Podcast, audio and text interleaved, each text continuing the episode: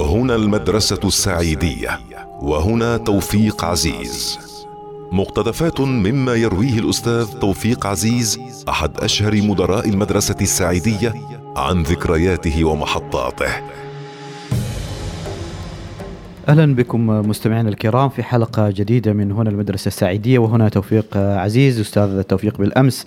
آه، وصلنا لين آه، دمشق وأيضا بدء بحثك عن عمل وفكرة البحث عن عمل وأيضا بعض التفاصيل الأخرى لوجودكم في دمشق. أنا نسيت أقول لك إشي مهم. وقت الحقيقة إحنا انتقلنا من بيروت إلى دمشق. أعطونا بيت نسكن فيه في دمشق. وين؟ لكن قبل ما نروح البيت رحنا إلى مؤسسة اللاجئين. مين شفنا هناك؟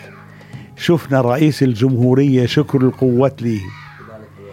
يغرف الأكل ويصبه في الصحون ويقدمه للضيوف اللي هم اللاجئين. هذه ما ما أنساها ابدا. رئيس الجمهورية بنفسه عم بغرف الأكل وبيقدم لنا إياه أكل. هذا الكلام وين؟ في دمشق. سنة 48 في دمشق. وبعدين من دمشق أعطونا بيت سكننا في مدينة دوما. تسمع فيها دوما اللي صار فيها المشاكل الآن. ففي مدينة دوما سكننا هناك لفترة وبعدين نزلنا إلى آه، دمشق سكننا في دمشق. تقدمت بطلب لوزارة التربية إني أشتغل مدرس وفعلا اشتغلت مدرس وعينوني في في مدينة درعا. درعا هاي درعا المدينة اللي على الحدود بين الأردن وبين سوريا. الأردن وسوريا بينهم مدينة درعا على الحدود. فأنا اشتغلت في درعا. إجا قال روح قابل مدير المعارف. مدير المعارف يعني اللي هو مدير التربية في مدينة درعا. رحت اطلع علي أنا قامتي صغيرة وشكلي صغير.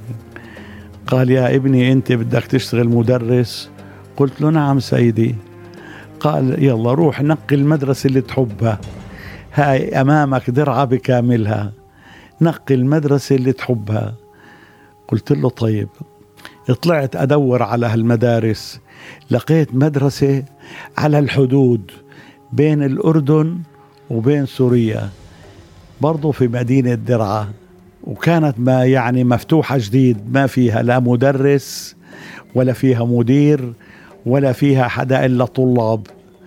وكان المبنى لصاحبها واحد صاحبها اسمه محمد المسالمي وكانت عنده امرأة عجوز آه، والدته ساكنة في قريب من المدرسة. فإحنا نخلص من المدرسة وأروح عندها نجلس حوالين النار وتسقينا قهوة. وبعد ما جلسنا جلست فترة في هاي المدرسة. هاي كانت في القرية فوق اجيت قلت له لمدير المعارف نزلت عنده قلت له من فضلك انقلني من هنا. قال ليش؟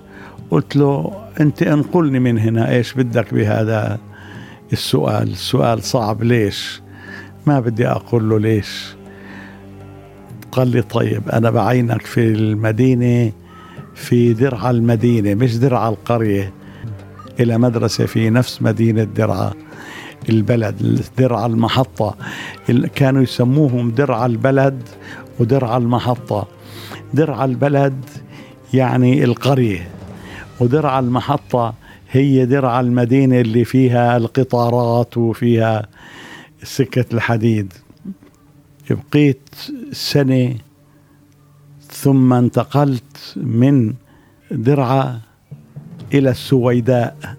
هذه مدينة للدروز فئة الدروز. اشتغلت هناك في مدينة السويداء في المديرية المعارف نفسها ما رحت علمت.